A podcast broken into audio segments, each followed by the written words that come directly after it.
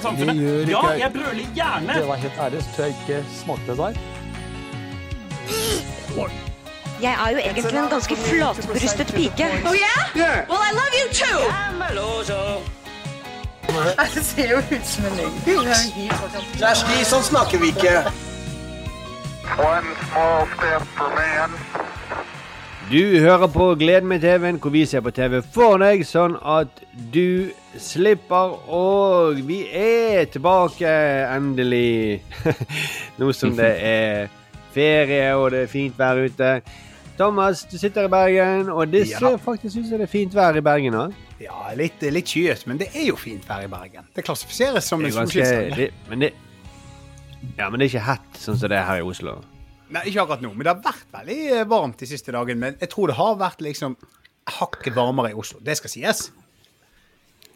Ja. Eh, Ba ikke om noe værmelding nå, men eh, Nei, nei, nei, men du spurte. Du spurte. Og jeg svarte. Ja, du, ja. Kjedelig å begynne en podkast om TV med værsnakk. Eh, beklager det. Jeg tar det på min kappe. Eh, Arild på Carl Berner. Der er det sikkert like hett som her oppe. Nei, du er ikke på Carl Berner. Du er i NRK. Jeg er jo det, faktisk. Det er ikke, jeg har vokst opp fra kjelleren i på Kalverna og sitter nå i, si, i kjelleren på NRK. Ja, men du er i et møterom på NRK. Det er er jo blitt eh, prosje prosjektleder i NRK. Det er jo den nye tittel. Ja. Prosjektleder, for Mhm. Det de som det. ikke vet det, hva det er for noe, det er eh, sjef. Ja, ikke sant? Det det. sånn at det er den når du går bra med et prosjekt, så er det Mm. prosjektlederen sin eh, skyld. Når det går dårlig med prosjekt, så er det de kreative tomsingene sin skyld. Ja, men Det det er er du sånn. som må ut og forsvare i eh, Dagsnytt 18 hvis det går dårlig. Ja, akkurat. Og da skylder jeg på de kreative tomsingene. Ja, du er en slags producer, sant? Det er det som jeg ville sagt i film. Det er det vi, det er det vi i humoravdelingen har vi begynt å kalle hverandre det, da. Ikke om det er det Å, som er Ja, det er liksom blitt tittelen min der.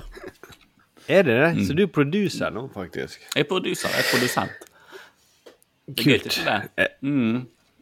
Ja. Sturle, som har tittel eh, bestevenn, kan vi si. Ja, ja, ja. Det er fortsatt en norsk tittel.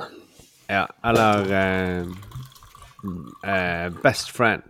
Best Så- friend. Ja. Så vi har begynt å kalle det her på huset, da. Så har vi begynt å kalle det Best friend. Nei, jeg skal i møte med best frienden min. Så må... For, ja. For her på huset sier vi bare bestevenn. Men, eh, Mm. Ja, ja, nei, her på huset sier vi best friend av og til. For vi bor faktisk i hvert vårt hus. Ja, vi gjør det. Enn så lenge. Enn så lenge. Vi må bare lande denne best friend-uttalelsen. Ja. Eh, vi, eh, vi skal snakke om TV igjen i dag. Eh, nå er det lenge siden vi har eh, hatt sending, fordi rett og slett vi har vært for opptatt med å lage TV, faktisk, til å kunne snakke om TV. Ja. Eh, vi har jobbet, meg og Sturle har jobbet litt i NRK, Mm. eller ganske mye i NRK, med Ja. et uh, nytt prosjekt som vi håper kanskje blir noe av.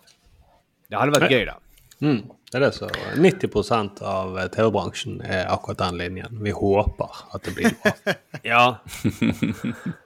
Og det der er en sånn sykdom som eh, rammer hele Ikke bare Norge, men hele verden. At man bruker veldig mye tid på å eh, Sånn som jeg også hører med folk som jobber innenfor forskning, de bruker veldig mye tid på å skrive søknader for å få lov til, å, eh, til sånne prosjekter. Og så får de kanskje lov til å forske på det om to år, men de bruker liksom 90% av tiden sin på å skrive søknader.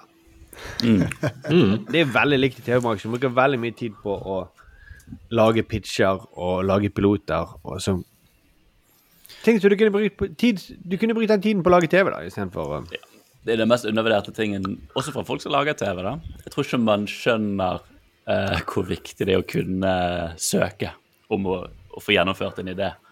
Eh, for du ser jo det at de, hvis du noen gang ser et prosjekt på TV, du tenker hvordan i alle dager eh, ble dette en TV-serie? Var fordi det var, de skrev en jævlig god søknad, men de hadde, hadde ikke nødvendigvis evnen til å gjøre det bra. De bare var jævlig gode på å skrive søknad, eller skrive Ja. bitch, på en måte. Så det er jo en sånn egenskap egenskap så liksom Hvis flere flinke kreative folk ble flinkere til å skrive søknader, hadde vi også sett flere gode prosjekter. ja, det, Sånn snakker en produsent. Eller så kan vi si at vi kunne, hatt, vi kunne laget et annet, annet system der man slapp å skrive søknader for å få lov til å lage TV. Jo, jeg tror Karstein Warholm hadde ut blitt vinduet. ja, Jeg tror Karstein Warholm da hadde blitt mye bedre som idrettsutøver hvis han var flinkere til å skrive søknader. At han, at han multitasket begge deler, at han ikke rendyrket noe. da. Det tror jeg. Ja, det er best friend her på huset. da. Ja, men tenker Dere kan jo sikkert bli flinke komikere uten TV-kamera også, og bare Hvis dere går ut og forteller litt vitser eh, nede på idrettsbanen, kanskje det er nok for dere, da, og så Men det, i filmbransjen er det jo oh, enda I filmbransjen er det jo enda verre, da. Der er det sånn for å lage en film Sånn som du snakker med sånne regissører og sånn, så de holder på med det der i mange år, med å skrape litt støtte her og litt støtte der, og eh, litt, så kan de skrive en liten stubb av manuset der. Eh, det er jo sånn prosjekt som tar bare mange år før man liksom kommer i gang med eh, innspilling. Ja. Og Derfor det blir så mye nyskapning i Hollywood. da. Det er ikke sånn at de bare kjører ut Marvel-tegneserier fordi at de hørte, hørte en diskusjon om det akkurat det noe angående kunstig intelligens sin inngang i Hollywood og alt det der. Og den de, det er mest farlig for, på en måte, er den middelmådige mannsfatteren. Som er de som bare kverner ut manus. Det er de eh, som får de jobbene med å skrive Fast and Furious-filmer, et par Marvel-filmer, en superheltfilm her og der. Eh, Det er jo de det er farlig for, for det, det er det mest formulær, altså formulabaserte manuset du skal ha. Du trenger bare en sånn kjøttklump som faktisk får det ut i verden. Um, så jeg hørte en teori om at det som kommer til å skje med kunstig intelligens, er at de kommer til å hyre på middelmådige manusforfattere til å ta æren for det kunstig intelligens har skrevet. For du kommer ikke til å legge merke Det til høres jo på mange måter ut som en drømmejobb. Ja, men så hyrer du på en mannsforfatter som er Du skal reise på intervjuer, du skal få lov til å bare prate om denne filmen og ta eierskap til denne filmen, men du skal ikke skrive et kvekk av den. Liksom. Men, Hollywood. Ja, men jeg bare si det, men akkurat det, det, det de demonstrerte jo nå Jeg tror de fortsatt er i streik hvis de ikke har ordnet seg i eh, Hollywood, manusforfatterne. Og det de er også redd for, er jo at eh, AI-programmene skriver manuset, og så eh, får du som manusforfatter du får eh, to dager til å bare rette opp de åpenbare feilene. da. Og så, Men det betyr at du får ikke jobbet med dette et år eller et halvt år. Du får jobbet med det i to uker. Og så får du betalt for to uker. Men, men ja, jeg bare litt For det, vi- du snakket om at eh, da, hvis du liksom eh, skal ta på deg æren for å ha skrevet den siste Fast and Furious-filmen, og så drar du rundt og, og tar gjør intervjuer og sånt Jeg tror, har det vært Er det vanlig å intervjue manusforfatteren av Fast and Furious? Er det noen som har gjort det noen gang? Jeg så faktisk en eh, sketsj her. Han Ja, skal jeg gå på Oscar-utdelingen for eh, Ja. Jeg så en sketsj her nå med, på, på eh, TikTok eller Instagram der, der som var veldig velgjort, som handlet om et intervju med uh, Fast and the Furious-forfatteren, som selvfølgelig da var en sånn seks år gammel gutt. Sant? Og så, og så hadde de jo klippet OK, hva tenkte du på når det skjedde? Og så snakker han om filmen, og så er jo det faktisk for, altså forbausende eh, barnslig sånn, Eller barnlig fantasi. Så det, ingenting ga mening. Og det var veldig, veldig sånn der eh, Det var jo egentlig ganske skarp eh, og god satire på den type sjangerfilm, da. Så det var veldig, veldig bra sketsj. eh, Men ja. Ja, det, er The Onion, det er The Onion sitt eh, Det er vel det God det The Onion, ja? morgen-programmet. De The Onion? Ja, for det, var, det Ja. følte jeg eh, Jeg husker ikke hvem som var avsender på Det det. med en liten gutt. Ja. Nei. Nei, det, det var de er skarpe på satire, de. Jeg liker Ja, ja, så godt alle, alle historier som avsluttes med Så ja. Det er ja men det Men var, eh, det vi, vi må Hvor var det? Internett? Du, Vi må, vi må eh, før vi går i gang med å snakke om eh, TV-uken vår, så eh, må vi jo også snakke litt om forrige sending. For det, da var jo ikke meg og Sturle her. nei, Eh, det var en hjemme alene-fest. Eh, Litt tilbakemelding tenkte jeg kunne være på sin plass. Uh, mamma og pappa til kommet hjem igjen, og nå ser de alle knuste, Ah, knuste vasen som vi gjemte bak sofaen, og de ser liksom jeg, jeg vil, Vi brukte alle pengene på chips. Ja, jeg vil jo si at det var jo uh, Det var jo nok omtale av Teige Lydstudio og Thomas sine gamle sketsjer. Det var veldig bra at dere fikk dekket det, da. Det var ikke Ja, for lite av det, iallfall. Nei, vi tenkte, vi tenkte at det var på tide. Vi snakket om det hadde, når vi forberedte sendingen, at eh, nå må vi snakke godt om dette her. Det tror jeg Jeg jeg bare si at jeg har ikke hørt den sendingen. Jeg vil ikke høre den. Jeg tenker eh, no platform til eh, Thomas uh, Teige lydstudio. Det er Jeg jo litt, jeg tenker det er litt sånn jeg som prosjektproduser. Jeg er litt sånn, jeg spiller uh, folk gode. Sånn, hva, er din, hva, er din, hva er din stemme? Hva vil du få ut i verden, Thomas? Å ja, Teigel, men da tar vi en time om det. Neida, men det, det var jo ikke bare Bra det. produser. Det var jo ikke bare det. Uh, det var jo um, Det var jo For det, det var jo en sidekick der som styrte det litt over i, i TV også. Så, men det, det um, eh, eh, Men på ekte så koste jeg meg med, med hele Men det var en gøy sending. Og dere var innom mange fine ting og endte opp på et fint sted. Eh, men jeg har et lite klipp som jeg bare vil eh, spille av. Uff. Ja. Det å bruke litt VPN og litt sånn. Men Oi, apropos oi, oi, det med oi, oi, oi, mordmysterium og sånn, så er det en serie jeg har jukset meg til å få sett, da. Eh, som heter Pokerface. Som er en serie som Pokerface. ja, ingenting med Lady Gaga å gjøre. Er det sånn den sangen er, Thomas? Pokerface. Jeg tror jeg bomma litt på melodien. Skal jeg være helt ærlig. skatt, skatt, jeg hørte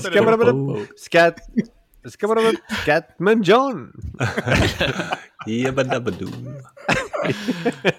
Jeg Jabadabadoo, bør, jeg selvfølgelig. bør eh, jeg, jeg, jeg, jeg skal starte som en musikkpodkast, tenker jeg. Der jeg skal bare nynne gjennom kjente hits. Referansealarmen i hjernen bare gikk på fullt, og så klarte ikke resten av kroppen å henge med. Så det ble bare po- po- pokerface. Ja, Det kom så smigende også. Ja, men jeg tror, jeg tror litt av problemet er at det trekker meg litt underveis der. Jeg tør ikke å stå i det, for jeg skjønner, jeg, jeg, jeg, det popper ut før jeg har rukket å Det må være det. Ja. Ja, eller du Ja. trakk det for seint, tenker jeg. Eller jeg trakk det for sent. Ja, det, ja. Du trukket det før du åpnet munnen, egentlig. Det. Det høres ut som dere Det høres ut som For meg, jeg, jeg har ikke hørt episoden, men det høres ut som dere to er på biltur, og så har Thomas sonet helt ut. Arild er høflig og kjører og prater, og så sitter eh, Thomas og ser litt ut av vinduet og så po- po- Pokerface. Er? Hører ikke etter i det hele tatt. Det Er ikke det vi snakker om nå, Thomas? Nei, de holder på med sånn, de holder på med sånn manusforfatterstreik i USA. Born in the USA. Eller som Thomas ville si Born in the USA, hey, hey. Born in USA. Kan vi bare høre det en gang til? Ja, Vi må høre det en gang til. Ja, nå, nå ser jeg se for meg en gang til at dere kjører bil. Skal vi se. Du bruker bruke litt VPN og litt sånn. Men apropos oi, det oi, med oi, oi, oi. mordmysterium og sånn, så er det en serie jeg har jukset meg til å få sett, da. uh, som heter Pokerface. Som er en serie som Det ingenting. Svak, altså. Han er veldig svak. Det høres ut som du er helt i din egen verden. Thomas. Og så høres det ut som dere har kjørt så lenge at Arild var Det har ingenting med Lady Gaga å gjøre. Det høres ut som dere har kjørt så lenge at Arild har begynt å bli irritert seg over Thomas. Nei, det har ingenting med det å gjøre. Nei, nei, Jeg prøver å vri alle samtaler inn på Lady Gaga. Liker veldig godt den uh, Thomas Westoff uh, Greatest Hits og det ba- ba- ba- Back in Black.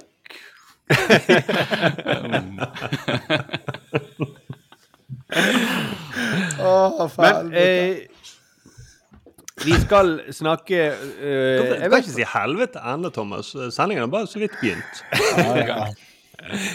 men vi skal eh, snart snakke om ukens eh, snakkis. Men det er en sånn snakkis som jeg vil ta før. En sånn slags førsnakkis. Kanskje vi må begynne med en ny spalte som heter Ukens førsnakkis. Ja. Eh, fordi at eh, vi er jo på en måte midt i kryssild i en stor eh, debatt internt i NRK om eh, som er relevant for denne podkasten.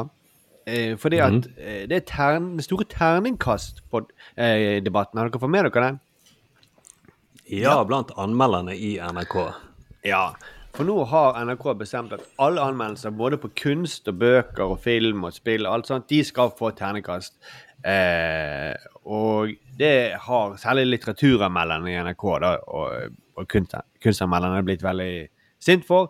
Og Martha Norheim, som anmelder eh, bøker, hun sier at hun har anmeldt sin siste bok i NRK. Ja. Eh, hun, ja, hun, hun skal gjøre an Hun får jobbe med litteratur på en annen måte, men hun gidder ikke gi ternekast hvis hun skal anmelde. Nei. Det, jeg, det er var- skal bare si, det var vittig at du sa litteratur og kunst. Jeg bare så for meg, Hva ternekast vil du gi Skrik? Ja, ja. Annet? Men det Jeg er ville helt en sekser, da. Det er jo litt vittig, fordi eh, Knut Hoem han kjenner jo jeg fra gammelt av. Han er en av de som er sur på det, fordi at uh, våre foreldre er venner. Så han kjenner jeg fra Bergen, eh, fra vi vokste opp. Eh, og så han, han har vært veldig sur på det. Og han sjefen som har liksom frontet dette, han, han er naboen min. Han bor fem meter borti. Han bor i gangen her. Ja. Samme oppgang, mm. samme etasje som meg. Så jeg føler meg midt mellom eh, de som krangler i avisen. Og det er ganske sånn Vi var på et sånn NRK-seminar, meg og Sturle. Og da måtte hun ene sjefen hun, hun jobbet i kulturavdelingen. Hun var leder for kulturavdelingen. Hun måtte forlate møtet fordi at hun måtte ha sånn krisemøte på, eh, om ternekast. De er så sinte i, på det. Oi. ja. Så hva, hva mener vi om ternekast? Eh, Nei, jeg synes jo det er alltid Sånn når folk med til ternekast og anmeldere, jeg har jo alltid tenkt litt sånn at du Det er gøy hvis man interesserer seg for noe og går litt i dybden på folk sine meninger og sånn, men overall er, har jeg tenkt sånn anmeldere er litt sånn De representerer litt seg sjøl gjennom terningkastene også. Det handler ofte om hva de, deres opplevelse, hva de tilfører. og Derfor er det viktig hvis du finner en anmelder du liker eller vibber med, så er det kjempegøy å høre deres tanker. men det, det er litt sånn um, Det er derfor jeg tenker sånn at de må passe seg litt for å gjøre anmeldere sure i NRK. Fordi hvis du ender opp med masse sånn deprimerte anmeldere nå, da, i NRK, som ikke Så vil de bare gi terningkast én til alt. Fordi liksom Det er mister meningen, sant, mister meningen med livet og har ingen verdi lenger. Da vil du plutselig se bare dårlige terningkast, og det er jo ikke særlig kommersielt heller, da. Det er jo også et problem. At hvis du bare har masse du- enere på forsiden Så du vil gi terningkast eh, terningkast én eller to? Jeg ville gjort det hvis jeg var anmelder nå, da. Nesten tror jeg vil bare uttrykke frustrasjon gjennom at nå føler jeg det bare ikke. Dette Mm. gleden av livet helt ute. Denne kunsten jeg ser på nå, gir meg ikke det samme som gjorde før. Terningkast én. ja. Altså, Men skal vi si ternekast Det er vel det den strategien Dagbladet kjører, er jo enten ternekast seks, eh, da klikker du deg inn på saken, eller ternekast én. Da også er det sånn Herregud, noen som fikk slakt. Ja, Så de blir bør gi ternekast tre, da? Eller fire? ja, det er kanskje det. Mm. Deprimerte er terningkast. Terningkast tre. Ja. Men i den debatten her Dere er åpenbart mer inni den enn hva jeg er. Eh, Men, men jeg, jeg syns det var morsomt, for jeg leste om det på journalisten.no. At de skulle innføre dette her, og så leste om saken og argument for og imot. Men det som var i, Ofte sånn at du leser i en artikkel, så i bunnen så linkes det til relevante saker. Og den øverste saken der var det at eh, aldri har så mange lest anmeldelser på nrk.no. Og det var liksom en sånn for tre-fire Ja. måneder siden. Så hvorfor innfører de det? Altså, Er det bare for å gjøre det mer tabloid og lesevennlig? ja. Men, når de, men det er feil når de likevel har bedre tall enn noensinne. Jeg skjønner ikke liksom behovet for å kommersialisere det. Ja, men det er jo NRK. De De skal ikke de- ha det behovet. Jeg skjønner Dagbladet, som har seks, eh, terningkast seks, eller og eh, seks i alle artikler, vel å merke, men, eh, men terningkastet deres er seks eller én fordi de vil ha klikk og annonseinntekt. Men det trenger jo ikke NRK. Det er jo helt tullete. Mm. Og så kunst Det- er jo største kunst problem- er jo Ja, unnskyld. Bare, bare ja. Jeg, bare, jeg skjønner ikke. Nei, det er sikkert det du skulle inn på, da. Ja. Men, men, men det eh, altså, argumentet er jo at eh, flere leser eh, og blir nysgjerrig på en anmeldelse hvis, hvis du ser en konklusjon først, liksom. Og eh, en tydelig konklusjon som er en, en terning. Jeg bare, jeg bare syns det er så vanskelig å redusere en film eller en bok til et tall. Det er så, det samme på en måte som det er samme greit, jeg syns det er vanskelig med karakterer i skolen. Hvordan skal du liksom sette en karakter på en innsats til en elev i løpet av et helt år? Det, det, Mm. og, og det, og særlig fordi at veldig mye av det som er mest elsket da, av ting som av TV-serier, f.eks., er jo har jo masse feil. Det er masse ting du kan trekke for. Eh, Seinfeld eh, har jo en elendig skuespiller i hovedrollen. Du kan trekke for det. Det er liksom vanskelig å gi en sekser når han er så dårlig skuespiller. Men det er jo en av de mest epokgjørende eh, seriene. Og det, hvordan skal du liksom tallfeste det? Det er derfor, derfor jeg føler min sånn nytelse av anmeldere kommer oftere i podkastform, egentlig. Også egentlig hvis jeg leser en artikkel, men generelt sett i podkastform, for da er det så mye med åpenhet for nyanser og diskusjoner i hva nå enn de snakker om. da. Og det ender jo aldri i et terningkast når man er ferdig med diskusjon. Det er jo bare Nå har vi snakket oss tom, og nå har, nå har vi fått alt vi vil ut i verden. Og som lytter kan du også bli mer engasjert i hva føler jeg om de tingene de legger fram om denne Ja, hva de snakker om. Ja, og det, det syns jeg anmeldelser er på sitt beste. At de, de, de bare liksom bidrar til en større samtale om eh, om den boken eller den filmen. Eh, i, men nå fungerer de mer som en sånn forbrukertest. Kjøp Ja. denne, eller unngå denne. Og det er det som kanskje det Jeg syns at det synes jeg er veldig uinteressant. Jeg ville finne ut av det litt sjøl, men jeg kan gjerne være Jeg syns det er gøy. Sånn som sånn så vi gjør podkasten her, da, så, så er det jo bare en slags samtale om om en eh, du får, du får deg til å tenke på noe annet, og så får det Altså, det Det, det er vel kanskje det anmeldelser er mest interessant for meg, da. Det er en kulere funksjon enn å bare være en sånn kjøp eller ikke kjøp.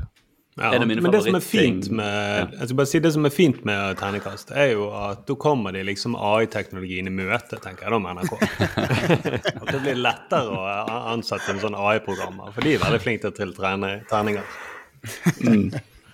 Det, min favoritt men det- med en anmelder med Min sånn favorittgreie apropos det Markus snakker om hva det skal funke for. Altså Det jeg liker best, er når anmeldere klarer å sette en eller annen kontekst rundt det de snakker om. Altså liksom sette det i en slags hva er, Hvorfor er dette interessant? Hva er bakgrunnen her? Jeg Nesten gjøre hjemmeleksen litt for meg, da. Eh, Så gir meg den inngangen til at nå kan du få lov til å ny, finne ut av dette sjøl, men ofte er jo den konteksten rundt kunst egentlig det er det mest interessante i en sånn anmeldelse. Å finne ut eh, hvor nå denne filmskaperen kommer fra, hva deres bakgrunn er, hvordan denne filmen endte opp, der han endte opp. Altså De tingene der syns jeg ofte er veldig verdifullt da, eh, i en anmelder. Men da må man jo engasjere seg i det for å finne ut det. Det, det kommer ikke fram i terningkast. Det var en Thomas tripper veldig. Ja, nei, jeg skulle bare si sånn angående anmeldelser. Det, det er flere ting her eh, jeg egentlig vil si. Men jeg bare må fortelle at i BT eh, Det har akkurat vært Bergenfest, og så avsluttet Lars Vaular eh, Bergenfest med en konsert som det har på en måte vært ganske mye forventninger rundt om at dette kommer til å bli noe helt spesielt. Den anmeldelsen eh, I Berge, Bergens Tidende så er jo det én til seks hjerter. De har holdt seg for god for eh, terningkastet, men de har akkurat samme skala. Ja, for det, for det, det er også terning, terningkastet er litt tacky det. Er jo- det er jo eh, Kleint. Bensinstasjon eh, og alt liksom, Det er- tenker, ja. Mm. Det er noe med det. Så jeg en syns jeg bedre så- hjerteskala. Hvis man, er det en greie sånn er det en greie hvis man har laga kunst og sånn Hvis man liksom har fått eh, fem terningkast fire på rad, sier man yatzy? Er det liksom en sånn kunstnerisk yatzy? Vi fikk yatzy. Det, Det bør bør være folk det. gjøre. Det bør Det, folk er det, det er jo det vi inviterer til her. da Det er jo et sånt terningspill, og liksom Det blir en lek, da, også for oss Å, lager ja. Jeg fikk tre like. Det kan du òg ta. Du, du kan ta hele Ja, yatzy. Ja, eller hu, Det er bra. Hus, ja. Hus. To pluss to pluss tre. Men det jeg skulle si med den BT-anmeldelsen, det var det at der Det som var gøy med den anmeldelsen, var det at den var Han, anmelderen, fikk en eller annen emosjonell eh, reaksjon som gjør at han egentlig bare snakker om alt annet enn konserten, og gir full pott. Og det er kjempegøy å lese, for det var sånn type eh, Denne konserten var følelsen av å komme ned på Viken etter en eh, Altså, det var Eh, Jeg vet faktisk ikke Jeg kan ikke komme med eksempler, for det var bare Han beskriver den følelsen konserten ga han, og det er følelsen av å være bergenser. Og det var så morsomt med alle de konkrete eksempler han hadde. Som, ja, for alle vet jo den følelsen av å komme ned på Viken og møte en god kompis etter en annen har dødd. Nei, den følelsen kjenner ikke jeg faktisk. Men det var, men det var veldig gøy. Nei, åpenbart ikke. Nei, men, men det var veldig gøy at han bare sånn Dette var så stort for anmelderen at det rett og slett bare bikket litt over. Og så har han bare Det er lesset sånn emosjonelt ut. Og så samtidig Ja. Ja, og så samtidig så må jeg si jeg likte det. Jeg synes det var kjempegøy. Han, han beskrev eh, følelsen. Ingenting om selve konserten. Gøy. Nå kan jeg nevne, apropos uh, TV-serier og anmeldere En av mine favorittserier, tror jeg faktisk det er de siste eh, ti årene som jeg har kommet over, er en serie som heter Review. Jeg vet ikke om dere Ja, har hørt Ja, om ja, ja, den kjent til den. ja, ja, Ja. Eh, og det er premisset, da. Den ligger på Comedy Central, og man kan finne den gjennom Apple og alt mulig rart. Men premisset der, da, som et veldig gøy humoristisk premiss, er at du har en anmelder som er eh, lidenskapelig opptatt av å anmelde ting, og lager da et program eh, som handler om at han skal anmelde alle livets opplevelser. Og gi en, eh, ikke terningkast, da, men stjerneskala på 1 til 5 til alt i livet. Og premisset er at han får innsendt forslag til ting, opplevelser i livet man må anmelde. Så det er alt fra Hvordan er det å spise fem eh, pannekaker? Det, det er en femmer, liksom. Det syns han er dritfett. Men hvordan er det å slå opp med konen sin? Ah, faen, ok. Og så gjør han det også. sant? Han er så lidenskapelig opptatt av dette oppdraget sitt med å anmelde ting, så han gjør det. Og han gir det et terningkast en, en halv stjerne.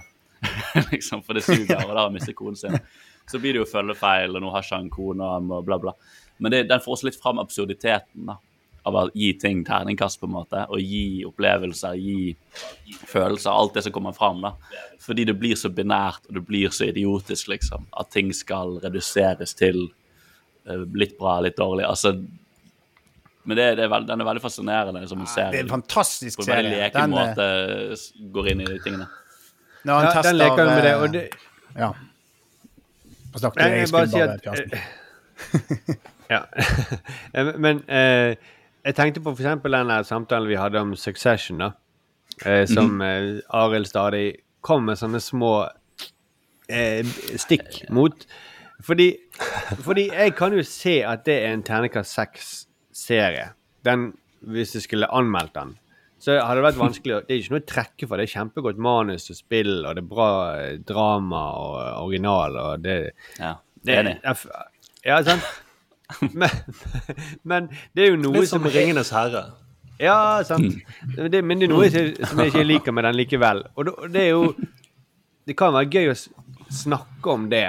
Hvorfor jeg ikke lik, eh, Hvorfor jeg syns den treffer meg like mye som et kostymedrama. Det er sånn eh, Og det eh, det handler jo Men det kunne jeg ikke gjort hvis jeg skulle gitt en sånn ren kjøpsveiledning. Ternekast én eller seks.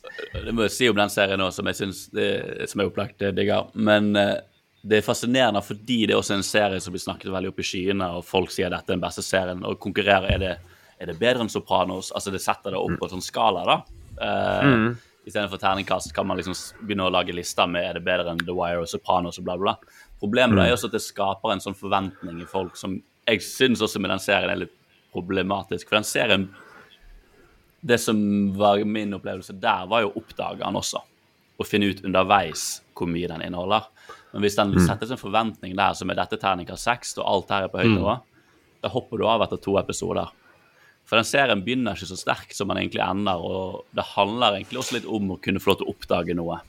Uh, som er jo litt det der jeg slitsomme med terningkast, er det å sette feile forventninger, eller sette noen forventninger, men ikke nødvendigvis folk blir enige om. For da setter man en sånn standard som er dette er jævlig bra, og da skal du like det. For alle andre liker det. på en måte. Og det syns jeg er feil, altså med en sånn inngang.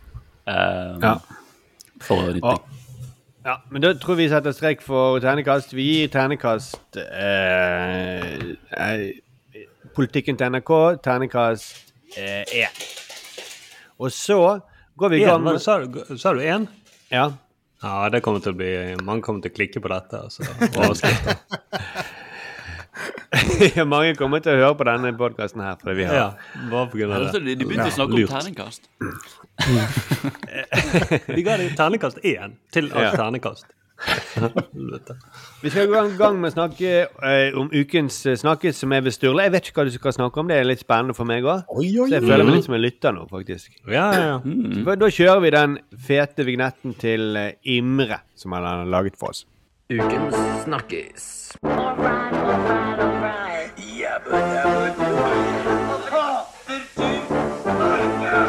Tacofredag. Han snakker uansett hva han sier.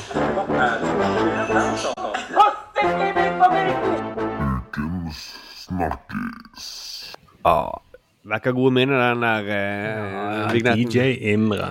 Så mange snakkiser vi har snakket om opp igjennom. Alle snakkisene på Snakkisens gravplass. Men Sturle, hva har du sett? Jeg har begynt å se, jeg har ikke sett ferdig, jeg er midt i prosessen, men jeg har begynt å se Netflix-dokumentaren Arnold. Oi! Å ja, det er gøy, den er sterkeste mannen i universet, kaller jeg han. Sturle, det var jo det den også jeg hadde tenkt å snakke om. Nei, er det sant? Da har vi Det en dobbel snakkis. Ja. Ja, det var dobbeltsnakk. Gud! Oi, fy faen. Det, Okay. Er det den du har tenkt å snakke om, Thomas? Ja! Ja, vel! Er ikke så overbevisende på Thomas, men Ja, Dobbel snakkis, det, er kult. Det er bra. helvete. Mm. Jeg har ikke trodd når jeg sto opp i morges at det skulle bli dobbeltsnakkis. Nei, det var, det var veldig positivt overrasket over dobbel snakkis. Dette, dette er Jeg får lyst til å synge D- d- d- Dobbelsnakkis. Det er den nye vignetten. Det er den nye vignetten til Dobbelsnakkis. Ja, hvis en Gamifisere dobbelsnakkis. dette. Ja, ja, det. Og det som er bra, Dette er jo selvfølgelig dobbel snakkis. For det Netflix de er veldig flinke på denne, sånne dokumentarer de lager om eh, kjente folk.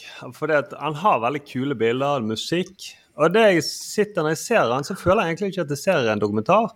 For det, måten Arnold Schwarzenegger sitter på Han er jo han er jo fortsatt nå Hvor gammel er han nå? Han er 70-årene. Han er jo fortsatt kraftig. Han røyker sigar, sitter foran en gigantisk peis og forteller om livet sitt. Og i hele dokumentaren så ser de musklene hans. Han ser jo ut som en Han, han er kanskje nærmeste vi kommer He-Man, tror jeg egentlig. Ja, det er han. Ja, ja, og måten han snakker på. Og måten han sier ting på, som er vanvittig kult. Du hører. I was born in Austria, I'm very proud of that. But I'm made in America. Eller når han snakker om det gigantiske huset sitt. I've had this house now for more than 25 years. This is a combination of Austria and America. It's the Austrian warmth, and it is the American size. Big. Too big is not big enough. That's the idea.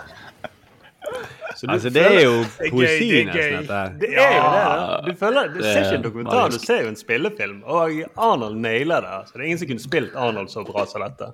Nei. Han er den beste. Skal jeg si, eh, skal jeg si hvem Så jeg har jo sett denne dokumentarserien også. Skal jeg si hvem som er skikkelig fan av eh, Arnold Schwarzenegger? Det er Arnold Schwarzenegger. Ja. Han, er så, han, er, han har så mye lovord og- om seg sjøl og sin karriere. Og jeg, tror ikke, jeg vet ikke om han har gjort noe galt i hele sitt liv. Jeg. Som Nei, han, jeg tror ikke i det hele tatt. nei, jeg tror Han han er litt, litt, det. det er litt sånn hiphop over han. Ja, det er det. Han er, det er bare sånn kule soundbites hele tiden. Og, og det, som er, det som er bra med den dokumentaren, er jo utenom at det er Arnold, selvfølgelig, det er alt er bra med han. Men at du skjønner jo litt Han virker som han spiller karakter, men så skjønner du litt hvorfor han blir sånn. Eller blitt sånn som det. Han eh, vokste opp i Østerrike, en liten landsby ved navn Tal. Faren var politi, moren var vaskegal, sa han. Han hadde en eh, storebror, ett år eldre. Han og eh, Arnold og storebroren de måtte alltid konkurrere om ting. Og det er faren som satte i gang dette da, med konkurranser. De måtte, hvem kan løpe raskest, hvem er sterkest? Hvem kan plukke penest blomster til mor til morsdagen? Og da kunne han si sånn at storebroren til Arnold Å, du gjorde det veldig bra. Arnold, du får prøve igjen neste år. Ternekast to. Ternekast to. Ja. Så Arnold har jo vokst opp med et veldig konkurranseinstinkt. Og faren til Arnold han var da nazist. Han var med i krigen. Og han ble litt skadet av det. Uh, han, ja, blant annet så lå han tre dager begravd i ruiner av en eller annen bygning som ble bombet. Det er sykt, Sturle. Jeg må hoppe kjapt inn nå når du sa det. For jeg har jo sett på Han snakker om faren sin, at han var i krigen og sånn. Fordi jeg er så vant med at Arnold liksom er en helt og big og great og sånn. Selvfølgelig, Jeg trodde, tenkte jo at faren hans ikke var nazist. For de Nei, sier ikke det nødvendigvis. Men De selvfølgelig sier var han nazist. Det var jo skikkelig rasshøl.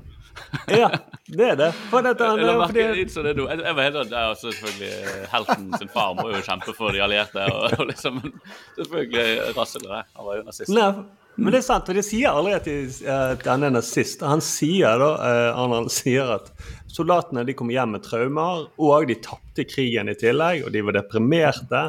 Og sånn som han oppsummerer det. Austria was a country of broken men. Det var liksom de mennene som kom Mm. tilbake. Og alle barna eh, ble jo da slått av disse traumatiserte fedrene. Spesielt da hvis de kom, når de kom dritings hjem om natten. Så klikket de og slo barn og kone, og da var liksom Som han forteller, med belte, og nabogutten ble også da slått. Altså, pappaen slo både Arnold og nabogutten? Ja, eh, ikke samtidig. Nei, men altså, alle barn altså, det var ikke sånn, Ja. Alle vokste opp med Dummere, Markus. Terningkast én. Vekket han alle for å banke de? Sånn, ja, våkne opp, våkne opp. Så, så, ah! Ja, det var, nei, Og nei, de, våk, de våknet om natten. da. Han kom inn, hjem, inn og skrek. Oh. Og da våknet de med hjertebank. Eller hjertebank. Ja, det er veldig Så han føler jo da at han ikke, Østerrike er ikke et sted han vil være. Så Nei. begynner han å lese litt om andre steder. Han begynner å forelske seg i USA. Og så kommer det vendepunktet da, når han og broren drar til en liten, eller tar en større by, da, Gras, ser en plakat for Hercules på kino, hvor hovedrollen spilles av en bodybuilder, Reg Park. Og da blir Arnold besatt av muskler i den plakaten. Så går de inn og ser filmen med Reg Park. Da blir han enda mer besatt. Og så går han utenfor. Ifølge Netflix-dokumentaren så skjer dette samtidig. Det kan være at det var noen dager imellom. Men eh, dokumentaren er så bra laget at du får inntrykk av at det skjer akkurat når han har gått ut fra kinoen. Så kommer han forbi en butikk, masse amerikanske produkter. Der selger de eh, muskelblader. Amerikanske blader med muskelmenn. Og hvem er på forsiden? Thomas, hvem tror du? Han uh, Reg Hard. Jeg husker ikke hva du kalte han. Red Park, det var riktig. Bra du hørte Ja. etter. Jeg var redd Ja. nå at du skulle si p- p- pokerface. Ja, Lady Gaga. Og da i bladet så ja, I bladet så står det treningsopplegget hans, hvordan han ble så sterk, eh, hvordan det også ga en jobb i filmindustrien. Så da blir dette idolet til Arnold. Så kopierer han egentlig alt han Reg Park gjør. Og så er det selvfølgelig at foreldrene de likte jo ikke bodybuilding. Faren mente da at det ikke var noe særlig østrigsk ting å gjøre. Tenker vi alle kan tenke like greit i og med at han var nazist. Så var det bra at Arnold ikke hørte på han. Og så moren reagerer også på Arnold at han begynte med bodybuilding. Og hadde masse plakater av eh, bodybuildere. And my mother got freaked out. You know, all his friends, they have, you know, girls above their bed. My son doesn't have one girl up here. Look at that. That one girl. I mean, it's only naked man, oiled up. What could we go wrong? Han- De er flinke Netflix. har Den morsomme musikken. La dere merke til den? Ja, det er homomusikken, det. Ja, det kunne vært homomusikken eller en 80-talls eh, forviklingskomedie. Ja. Ja. Men ja, sant. Det er jo sånn, sånn det ville tonesatt 80-tallet, denne gamle vits med toppen av eh, Toppen av for, forviklinga, det er to homofile i en svømmebasseng full av pølser. Og så spiller du på musikk. Skulle egentlig ligge med damer, men så lå med menn. Mm, is this a sausage or not? Men du skjønner jo da hvorfor han Altså denne bakgrunnen han eh, har, eh, og da bruker han da treningen til å stenge ute følelser. Mens broren da eh, drikker for å håndtere barndommen. Det er ikke så mye snakk om det, men det kommer fram, da, for han dør jo i fyllekjøret. Han krasjer i en stolpe når han er full og kjører. Så vi hører bare et intervju med unge Arnold i USA som snakker om broren og farens dødsfall. Faren dør litt etterpå. When my father and my brother died, I had no feelings about it. You know, I, I, I eliminated it. It maybe comes out sometimes in my life later on, those feelings, you know, but I don't know. But I've been training myself to do that, not to be affected by anything else from the outside. Han går jo inn egentlig, han går jo inn i treningen og blir som en maskin. da. Men da er han veldig ung, så kanskje vi kan høre han har kanskje endret syn på det når han blir litt eldre. I mean, I'm not an expert in psychology or anything like that. All I can tell you is, is that when you're a person that has always a goal, that always has a mission, the less time that you have to think about How do I feel today? Am I depressed today? Do I feel sorry for myself? Have I become a victim? Oh my God, I feel so bad about myself. And always, I don't have time for this crap. A lot of times it's people that don't work enough. And you're busy all the time. You don't have time to think about this stuff. Let's just move forward. Let's go move, move, move, move. Oi. Det, kan jeg bare si der, for der var jeg på et lite sånn sekund og tenkte Oi, dette er jo en flott innsikt. Eh, og han sa det veldig sånn slående. Ja, faen, jeg burde kanskje stoppe og tenke litt mer over hvordan jeg har det, hvordan jeg har det, istedenfor å bare tenke på neste mål og neste TV-prosjekt. Men så Konklusjonen hans er Men du må bare jobbe mer. Ja. Ja, han er, det er jo Det sånne ting som jeg føler, jeg føler den dokumentaren som Hvis det er noe jeg lærer om Arnold, eller forstår, da, er jo at han har et ekstremt fokus. Altså det er evnen til å bare låse ting ute og fokusere på én ting. Uh, og det er jo det er sånn den dokumentaren pirker borti ting hele tiden, hvor du tenker her er det mer kjøtt. Det var jo faren din var nazist, eller broren din døde, og broren din var følsom og emosjonell, Ja. men du er sterk. Og så her er det opplagt ting vi kan gå i dybden på, som man ikke gjør der, for det er bare tre episoder til sammen. Og det er sånn, De vil alltid videre, men det som du alltid skjønner, det som bildet du maler av han er at han bare har en Han bare sitter, han, han klarer å låse alt annet ute utenom det målet han har. Som også har gitt han en helt utrolig spesiell karriere. Han bare klarer å fokusere på én ting, og i det intervjuet når han er ung, du sitter jo og tenker at jeg håper du får tid på et eller annet tidspunkt i livet ditt til å fordøye dette liksom skikkelig. Mm. Og så har han jo bare fortsatt å jobbe. Han har bare alltid hatt et nytt fokus. Så ja, det er litt sånn Det underliggende er jo noe bittersøtt her, da, sånn som du er inne på, Markus. At herregud, er går det bra med deg, Arnold? liksom. Mm. Ja. Men kan, kan jeg bare spørre, fordi eh, det er jo blitt en ny sjanger, dette med at sånne sånn Michael Jordan-dokumentaren og eh, eh, Nå så jeg begynte å se denne Stan Lee-dokumentaren eh, Mm. på Disney pluss. Eh, Stan Lee, altså han som laget Spiderman. Og, Mm. og de er jo tydelig autorisert av eh, de sjøl. Altså Stan, det er Stan Lee som får sjansen til å fortelle sin historie akkurat sånn som han vil. Det gjør jo at dokumentaren blir litt annerledes enn hvis det hadde vært eh, noen filmskapere som var uavhengige, som fikk lov til å lage det sånn som de ville. Eh, jeg vet ikke hvordan Det er jo interessant. Det er jo som en sånn selvbiografi. Det, her er min versjon. Er, er, er dette en Mm. sånn serie hvor han, det er han som står bak? ja. Det tror jeg ikke. ja, jo, men Det er derfor du får den følelsen at du ser, ser ikke en dokumentar, jeg ser en kul film. da. Og Arne Ja, er er i sånn- hovedrollen. Jeg tenker litt på det sånn at hvem er den dokumentaren for? Og på en måte Jeg har jo tatt til meg Arne Schwarzenegger gjennom hele livet, så jeg vet jo egentlig veldig mye. Og jeg har sett den der dokumentaren 'Pumping Iron' som er laget på 70-tallet, som er kjempemorsom, for det er bodybuilder-miljø og mye figurer og sånn. Men det som jeg tenker de som kanskje får absolutt mest ut av den dokumentaren, er hvis du aldri har hørt om Arnold Schwarzenegger før. For bare det å få Ja. hans li, at bare han presentert må være den opplevelsen for han presentert for deg for første gang. Jeg, jeg, jeg, jeg kan ikke helt fatte hvordan det kan være, for han er jo så utrolig spesifikk. Men jeg sitter litt og føler hele tiden la oss gå litt dypere, la oss liksom finne ut av litt mer, for det er opplagt mer å hente. Mm. Uh, men det blir jo fort litt sånn som du sier, Markus, med at sånn som alle kjendiser har sin egen podkast, og Ja. derfor kan de få lov til å snakke om sitt liv på sånn som de vil, og alle som ikke har podkast, lager en dokumentar hvor de sjøl får lov til å bestemme hvordan de skal fremstå. Du sitter litt med den følelsen av kan vi, hvor er journalistikken, på en måte, da? Hvor er liksom eh, Hva sier dette mer, da, enn bare at du får lov til å vise fram deg sjøl?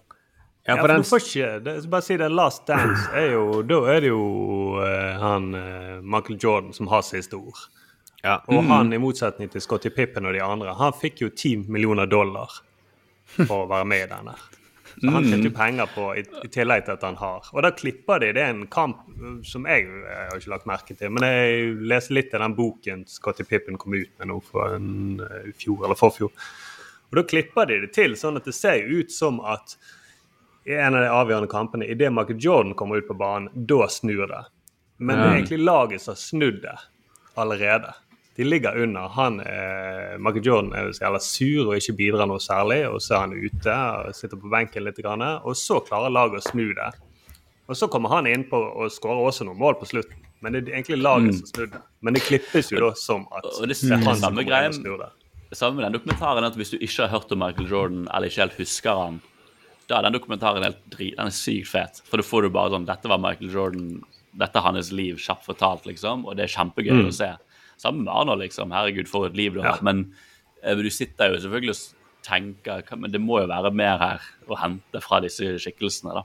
Men de er flinke til å gå litt inn på det, men ikke for mye. Det er liksom den balansen. Ja, det, den, Stan Lee-dokumentaren som jeg så, den er jo Jeg, jeg kan jo veldig lite Marvel-greiene. sant? Så jeg tar jo alt han sier for god fisk. Uh, han skryter jo veldig av Marvels metode. Det er bare en sånn Han bare skryter av seg sjøl på en veldig sånn eh, sympatisk måte, da. Men det er sånn Jeg tenkte jeg ville ha eh, superhelter som hadde flere lag, og, og, det, var- og det var en kjempesuksess. Det ville alle ha med en gang. Eh, og vi eh, revolusjonerte hele markedet.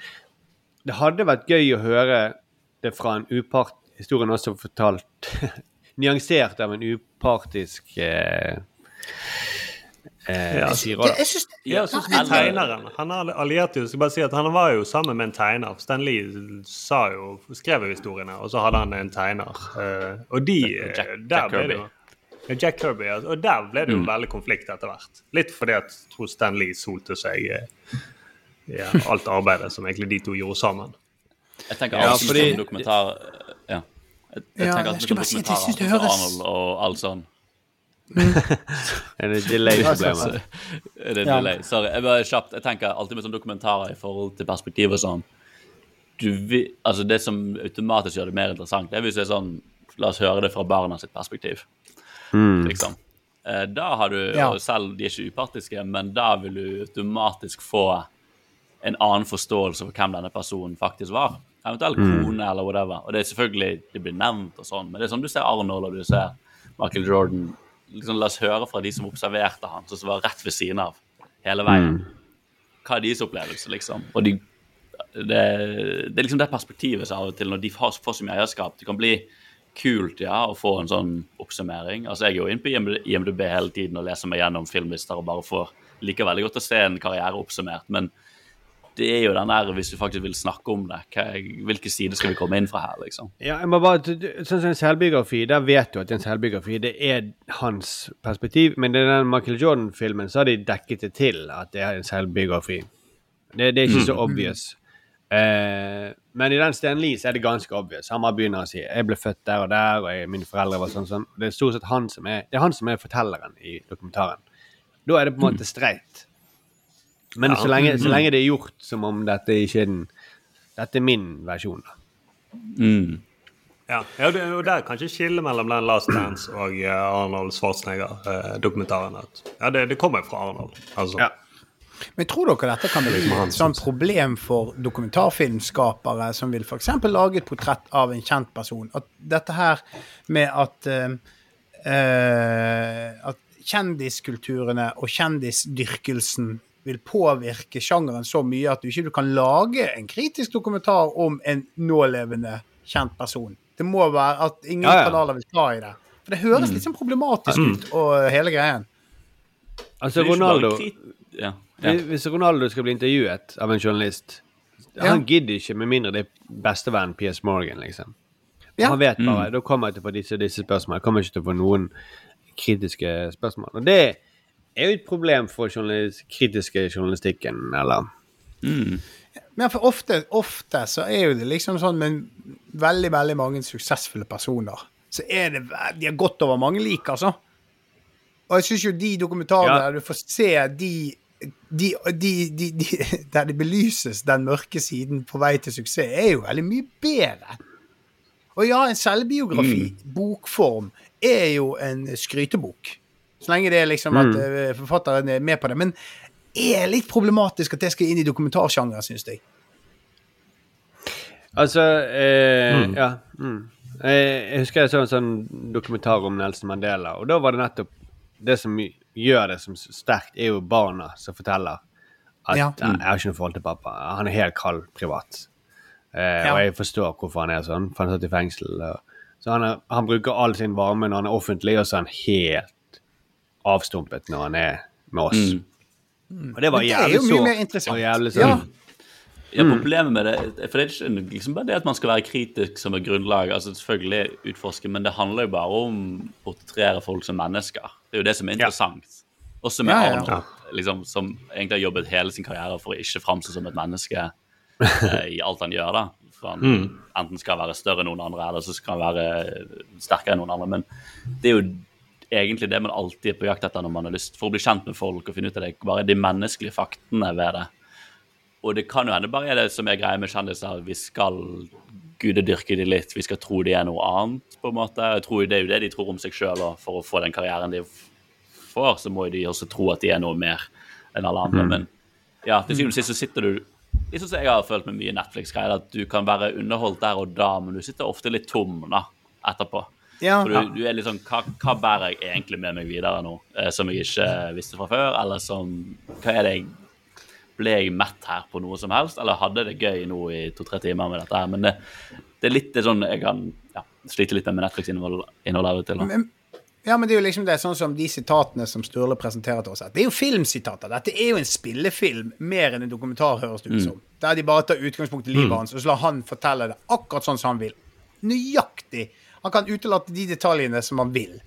Da er jo det, Og så blir det liksom markert som en Arnold-dokumentar. Det er jo ikke det egentlig. Altså eh, sånn Nei. eh, i forhold til sånn, et, i et journalistisk perspektiv, da. Mm. Men han er jo Ja, flink også til Og du kom jeg vet ikke, du går jo sikkert videre til det, Ståle. Han, han toucher jo innom problematiske ting han har gjort. Jeg, jeg, jeg skal ikke være for flink bastant av meg. Nei, men det greiene er at han er flink til å gå innom det, men så går de også veldig fort videre. da. Det er liksom litt den der Ja. rutinen med at vi anerkjenner det, og så går vi videre. Vi anerkjenner og går videre. og det er kanskje, Jeg har ikke sett ferdig helt siste episode, men den handler jo om når han ble politiker. Som for min del iallfall den mest interessante. Å få lov til å bare se hvordan gikk, hvordan gikk egentlig det an at han fyren her ble politiker, da. Ja. Ja, den vet ikke om jeg, jeg har sett de to første. Jeg vet ikke om jeg skal se den politikeren. For da tror jeg er redd for at jeg endrer litt syn på Arendal, og det vil jeg ikke. For, for nå av de to første episodene, idrettsutøveren og skuespilleren, de bare går rett Ja. oppover. Da er det alt du- jævla bra. Uansett eh, hva hindringer han møter, så knuser han det. Han bare laserfokusert, og så knuser han det. Blir du inspirert, Sturle? Bli, til å Mm. leve mer som Arnold? Ja. Mm. Og jeg, eh, så jeg er veldig skuffet over at min far viser seg at han var ikke nazist. Han var født etter krigen. Så det var veldig skuffende. Men han hadde masse belter. Hvorfor slo han ikke? Skandale. Nei, men det er jo litt sånn som du snakket om, eller som vi snakket om at Du gikk og la deg hver kveld og håpet at uh, nå Ja. I kveld må det skje. Ja, det sto opp midt på natten. Har han skreket? Mm. Nei. La belt, belter og øl framme. Uansett Landet hvor mange muskler- uansett- og- Uansett hvor mange Ikke for seint å begynne. Det er over ikke veggen. begynne. Ja. Nei, nei, nei. Men jo, men det er liksom eh, Det, det er rart, for det, det er jo åpenbart han Sånn som broren flykta jo til alkohol, og Arnold Schwarzenegger flykta jo inn i trening, da. Men at han ikke tenker over at han, Men han Eller han, han er jo innom det, men det er bare han vrir det til noe positivt. At det var det som gjorde at han nådde der han nådde. Ja, ja. Han, han kunne trene og sånn. Mm. Men Så på en måte, ja, ja, kanskje det. Han har Ja. veldig stort hus, da. Så skal vi gi en ternekast på, på Ja. hele, hele, hele dette mennesket. Ja, to første episodene så gir jeg Ok, nå triller jeg terningen. Skal vi se. Du hadde terning. vel? Ternekast ja, ternekast to ble det. Ja. Og det er jo det er jo det morsomme med terningkast vi ikke har vært innom. At alle andre land eh, betyr jo terning at det er jo, det er jo symbolet for at ting er vilkårlig. Ja. Eh, mens så, så i alle andre land i Norge så har de jo eh, stjerner eller eh, mikrofoner. Antall fem mikrofoner. Det er bare i Norge de har holdt på med ternekast. Kanskje vi skal begynne med sånn stjernetegn istedenfor.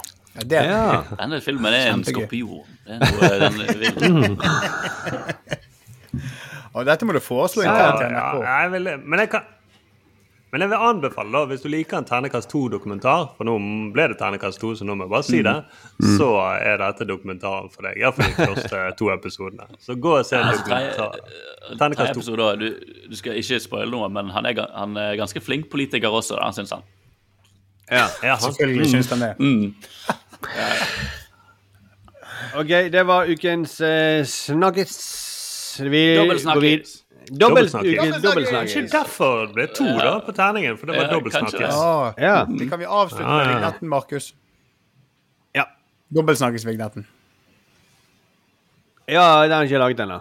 Men eh, Nei, det er ikke, det er ikke Thomas som skal lage vignetten. Thomas, er ikke du som synger Det er du som synger ja, det var jeg som dobbeltsnakkes, skulle synge. D- d- Ja, det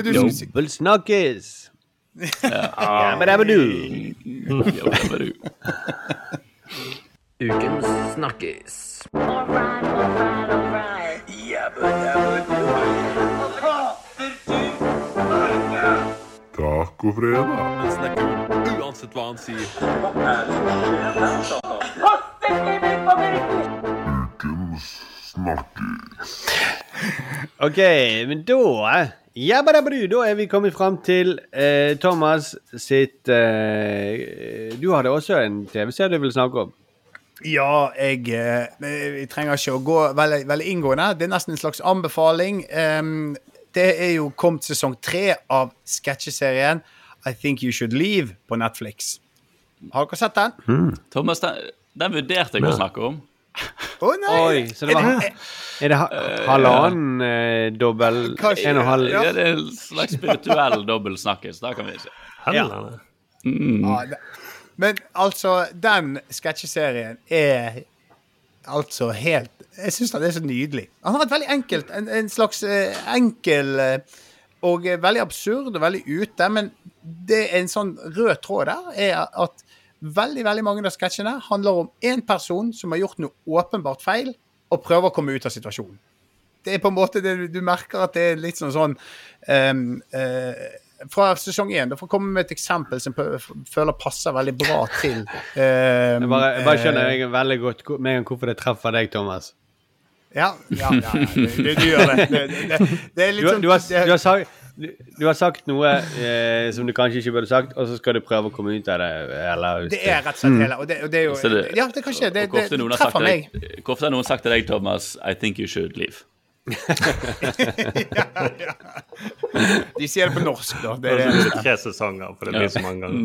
Ja, men, men det er en veldig veldig gøy sketsjeserie. Og uh, jeg uh, Den sketsjen jeg egentlig skulle vis, bruke som et eksempel, er fra sesong én. Og da er det en, eh, en det, Sketsjen åpner med at de har kjørt en bil inn i en litt eksklusiv butikk, og det er en hotdog-bil. Og så eh, står det en person da, som er Tim Robinson, som har skrevet og spiller i denne serien, med et hotdog-kostyme, og later som det ikke var han som kjørte bilen. Det er veldig enkle en, en, Det er et veldig sånn typisk premiss for denne sketsjeserien. Men han er rett og slett jeg syns bare det er veldig tilfredsstillende med en sånn en velprodusert og morsom eh, sketsjeserie. Nå vet jeg at anmeldelser er jo noe vi har diskutert i dag. Han har åtte på IMDb. Eh, Som jeg føler er en skala som jeg stoler mye mer på i forhold til anmeldelser. da, For det er jo Folk legger inn det er én til ti, og alle hva Ja, slags ja. folk Og legger det, inn. det er jo summen av eh, alle ja, vel, Alle det, det, det, det, det, det har noe for seg, på en måte. Det, det har litt mer for seg enn en allmelders eh, Ja. Ja. Skal Du ikke lese skjul 10 000 folks eh, betraktninger av det. Da vil man Nei. heller ha et tall. Men det At det er vel en, en serie som en, du, en anmelder fort også kunne gi terningkast én. Fordi det er så Helt, helt klart. Ja. Eh, at eh, dette eh, Hvis du feil anmelder ser dette her, så er det en terningkast én-serie. Det er La det være sagt. Men altså, han er virkelig bra. Og det, eh, det er en sketsj der som jeg ikke klarer å slutte å se på. Som er jo egentlig blitt veldig mye morsommere pga. Arild. Eh, som har introdusert meg for disse her trashy reality-seriene som eh, Fuckboy Island og eh, Love Is Blind og alt det der. Og Arild, du har sikkert sett den sketsjen med han eh, i zipline. ja. Premisset for sketsjen er Det er jo ikke alltid gøy å eh, høre meg fortelle om en sketsj. Jeg vil anbefale folk å se den, men premisset er så gøy, for det er en utstemning i en sånn reality-serie der Uh, hun Det er en pen dame og masse menn.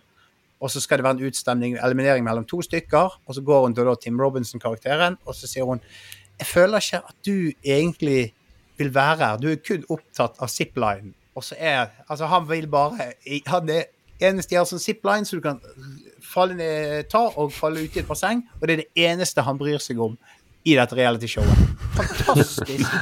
Utrolig teit premiss, men det er så jævlig velgjort. Og det er klippet akkurat som disse seriene som Arild driver og ser på. Og det gjør det så jævlig de bra. sånne, der, eh, ja, de viser sånne flashbacks før med sånn, de driver med vannlek, og det er gøy ved bassenget. Hun har en samtale, og han driver den zipline i bakgrunnen hele tiden.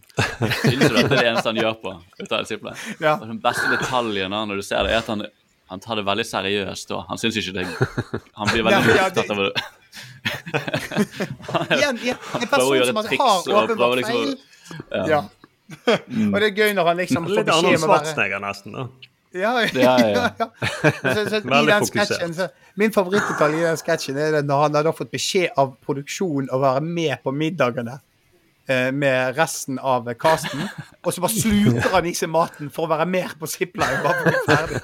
Det, er sånn, ja, det er så teit. Men igjen, det er en person som åpenbart har feil, som bare gjør alt han kan for å liksom ikke liksom eh, komme ut av situasjonen dårlig. Og det er, utrolig gøy.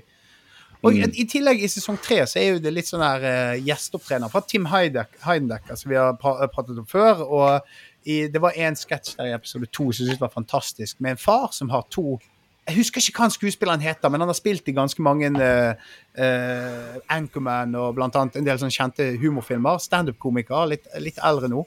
Som er da en far med to sønner som uh, ikke har vært De har vært litt frekke med han. Så derfor så har han viser han i et videoopptak av at han banker et barn. Det er helt sykt. Og så er det premisset da at ungene finner ut at Men dette er ikke et ekte barn, det er en gammel mann som er skuespiller. Så har de prøvd å klippe det om.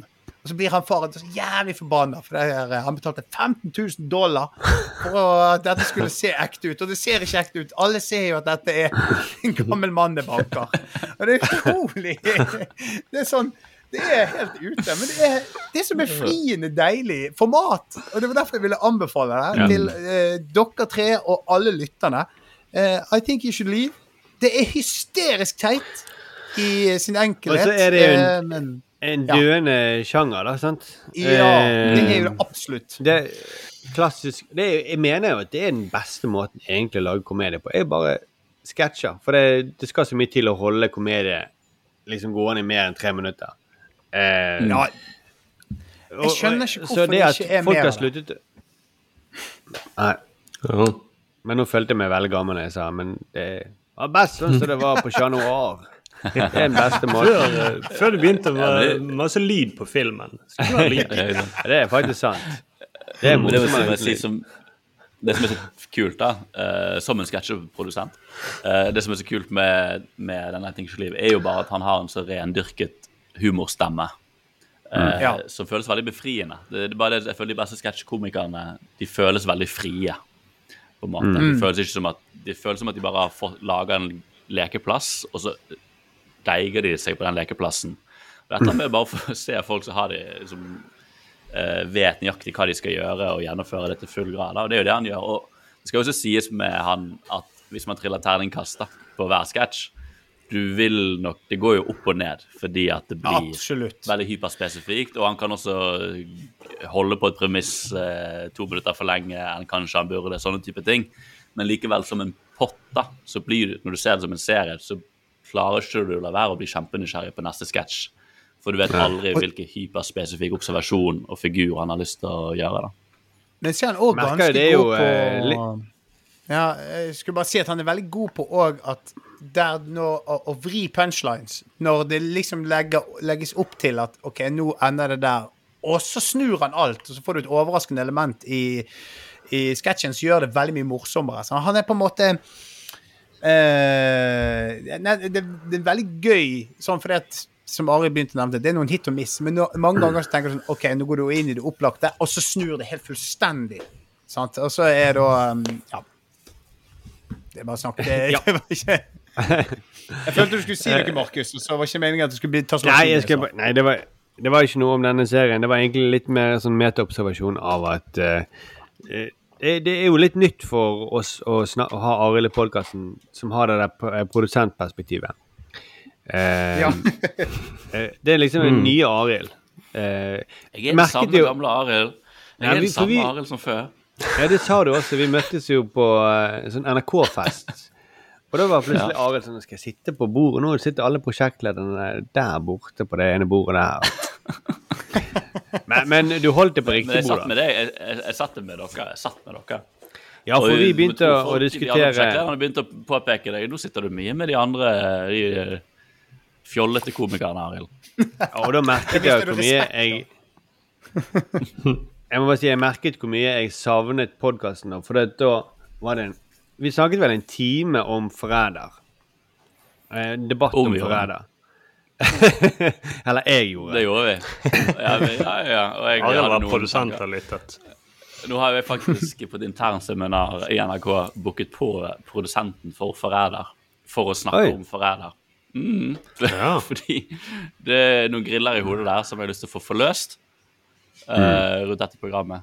Og da vi Kort oppsummert, uh, Arild Nei, Thomas og, og Sturle var vel kanskje en del av det litt, men vi Nei, jeg var ikke med å snakke om forræder. Nei. Eh, jeg jeg, jeg syns det var gøy, og så var det to sånne seriøse gamere som satt på bordet, Arild og jeg, en annen manusforfatter, som Nei, nei, nei altså, de er altfor få sånne eh, Jeg som har spilt mye sånn eh, eh, spill sjøl, jeg, jeg syns det var for få elementer sånn Spillelementer, da. Ja. Mm. Og så prøvde jeg å si ja, men det kommer i sesong to, eller eh, Og så jo, ja, trodde jeg ikke de på meg. sesong én. Jeg snakket mye om sesong én, da. Og jeg er veldig Mm. glad i grunnpremisset. Dette får bli, det må bli en annen podkast. Men jeg er glad i grunnpremisset. Men jeg var bare sånn, det føles så uforløst. Og, og så er det bare masse kjendiser som klikker, og så skjønner jeg ikke helt hvorfor. Og, og sånn. Men så alt jeg fikk høre, var bare Men du må se sesong to! du må se sesong to. Så, ja. Mm. Ja, det, men det er også det at det, det de, Nei, jeg skal ikke Vi har ikke ripp opp. jeg tror du skulle si jo, men se sesong to. Ja, bare se sesong to. Er du fornøyd, Jeg har ikke sett sesong to, men er du fornøyd med hvordan sesongen gikk? Den er jo ferdig nå. Jeg vet Ja. det var litt spenning uh, på hvordan kommer dette til å gå, men eh, Det ble veldig gøye twister i siste episodene. Og de var flinke til å liksom lure oss til Å nei, nå er spillet tapt for forræderne. Og... ja, ja, ok, ok. Kanskje, kanskje vi må få snakket om det på poden en gang. Ja. Når jeg har sett sesong to. Ja, det kommer sesong tre. Jeg, ikke det? Jeg syns de annonserte mm, casten her. Viggo Venn, blant annet. Ja, den kommer. nå kan de bare velge på øverste hylle av Det virker som det alle vil stille opp i det programmet. De, Det er som jeg ikke jeg skjønner Jeg snakket med en annen produsent om det. Det er der eh, nye NRK-serien Hail Mary som Ja. går. Ja. Uh, hvor det er en gjeng fra fjerde etasje. Og det er jo en sånn drite hverandre ut-premiss, hvor du får noen kjendisgjester sammen med noen programledere, og så skal de bare gjøre veldig drøye utfordringer. Og så det Ja, hvis du taper utfordringen, så må du uh, gjøre noe enda drøyere. Uh, og så snakket jeg litt med en produsent om det. hun- Vi bare sånn Vi kan ikke fatte at folk blir med på det. liksom. Og du får jo kjente mennesker. Det, var litt sånn, jeg får bare så, det er imponerende komedie. og sånn, Jeg skjønner ikke at de sier ja.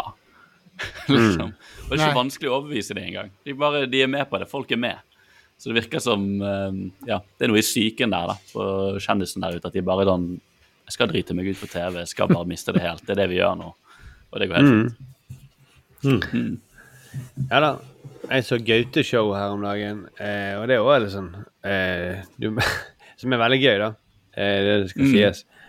Men eh, det, det Du må jo eh, eh, så, Du må være ganske tøff for å være med på det. Mm. det får kunne, ja. Men det anbefales Det kommer vel på NRK etter hvert. De gjør det. Gøy. Mm. De skal begynne nå i å lage det i høst. Lage det i høst. Ja, det blir jo fort det. Det er kjedelig. Vi burde, Ja. vi burde få, jobb, få jobb i TV 2 eller NRK. Nei, det er TV Norge. Ja, men Thomas, du har jobbet i TV 2. Hvordan ja. da må du må få deg en ny jobb i TV 2. ja, jeg burde fått det. På, eh, Du, du må drite ut flere ja. kjendiser på TV 2. Ja. Kaller du kommer det- på allsang eh, på grensen? Jeg skal være Mm. med. Mm. Åh, jeg, det, det hadde vært gøy, det. Trenger ikke synge så lenge. Trenger bare synge akkurat den lille strofen. Mm. oh, det hadde vært vittig. Gå over scenen fra høyre til venstre, så synger du.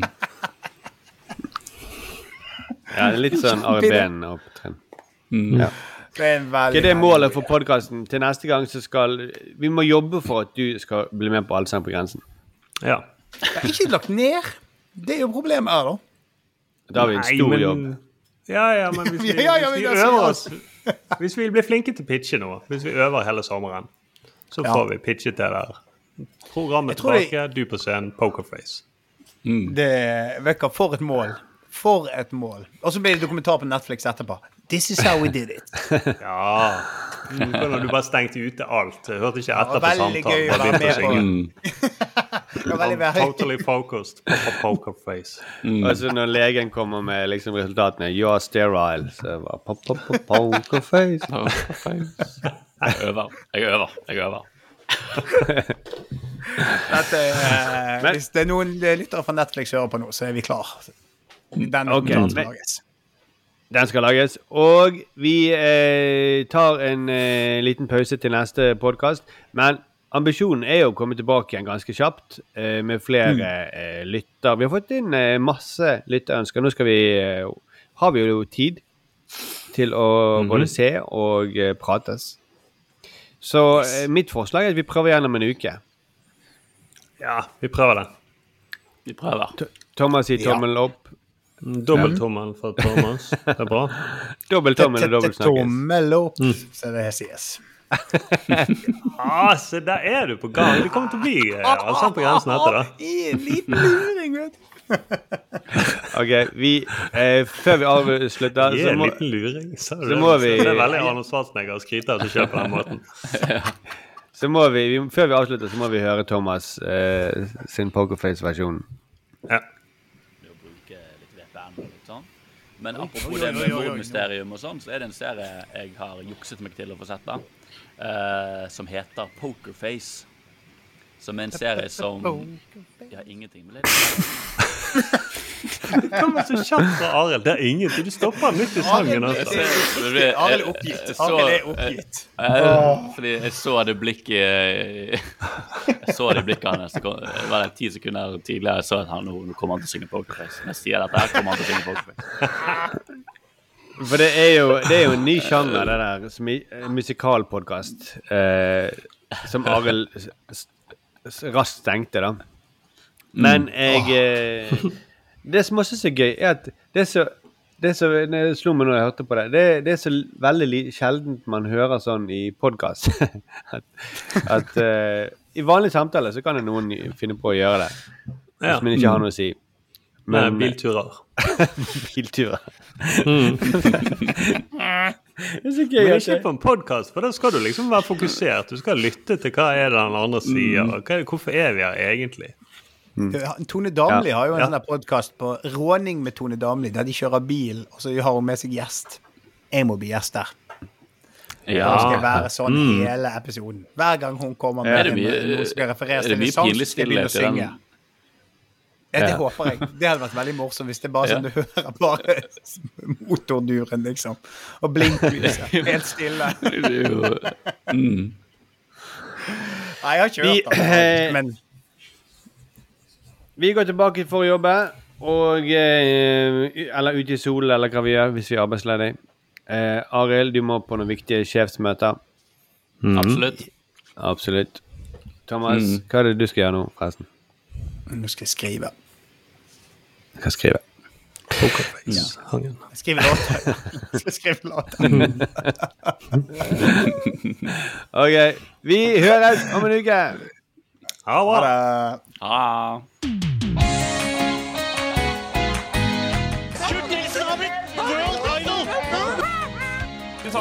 Ja, jeg brøler gjerne! Det var helt ærlig, så tror jeg ikke smakte der.